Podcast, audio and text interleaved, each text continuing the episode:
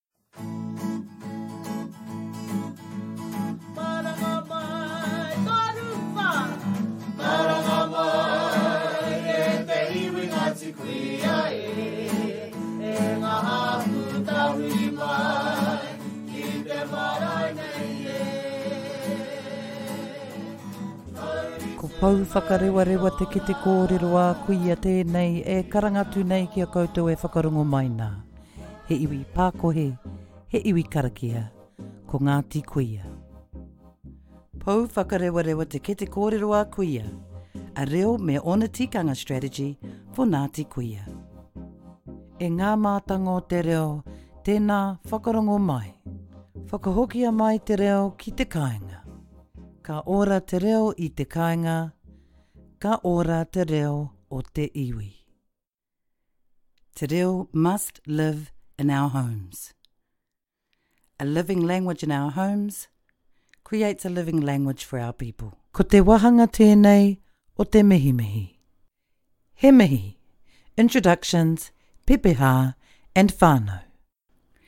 Introductions of self through pepeha and of whānau are one of the first places we begin when learning te reo.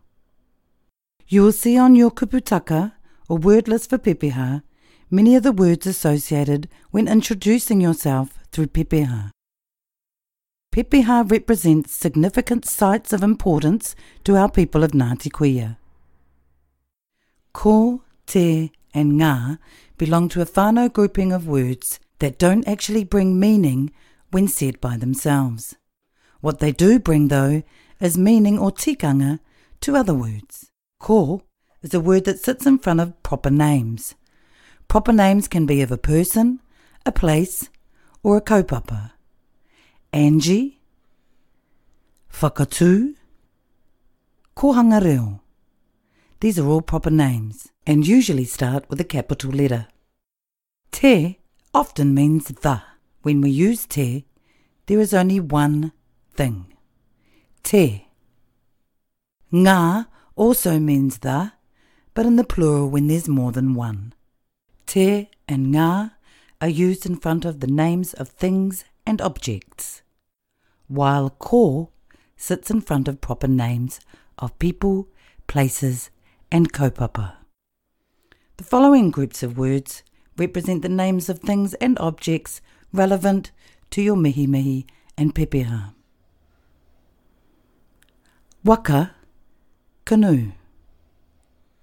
Maunga, mountain. Awa, river. Iwi means tribe, nation, or people. Marae, meeting place. Tangata, the man, the person. Whare tupuna, ancestral house. Whare manaaki, nurturing house. Whare kai, dining house of sustenance. Tēnā koutou katoa, Greetings to you all. Ngā mihi, Acknowledgements. Have a listen to Te Naira as he introduces himself with his pepeha. Tēnā koutou. Ko Tūtūmāpou te maunga, ko Te Hoere te awa, ko Te Hoere te waka. Ko te rupe o Ruapaka te whare manaaki. Ko Kāi au wahine te wharekoa. Ko Te Hora te marae. Ko Matua Hautere te tangata. Ko Ngāti Kuia te iwi. Ko Te Naera ahau. Nō reira, tēnā koutou, tēnā koutou katoa. You will note a basic sentence structure for mihi and pepeha. Each line within our mihi starts with ko followed by the name of a place, a person or a kaupapa. Ko Tūtū Māpou, ko Te Hoire, ko Ngāti Kuia, ko Te Hora, Ko te rupe o Ruapaka. Ko Kaiauwahine. Ko Matua Houtere. Ko is used in front of these words because they name places, people or kaupapa. Following the naming of these sites or people of significance, we say what they represent. Te maunga, the mountain, te awa, the river, te waka, the canoe, te iwi, the people, te marae, the meeting place, te whare manaaki, te whare kai, te tangata. When we join these phrases together, we begin to create our pepeha. Ko tūtū māpou te maunga. Ko te hoire te awa.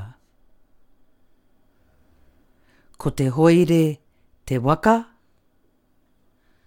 Ko Ngāti Kuia te iwi. Ko Te Hora te marae. Ko Te Rupe o Ruapaka te whare manaaki.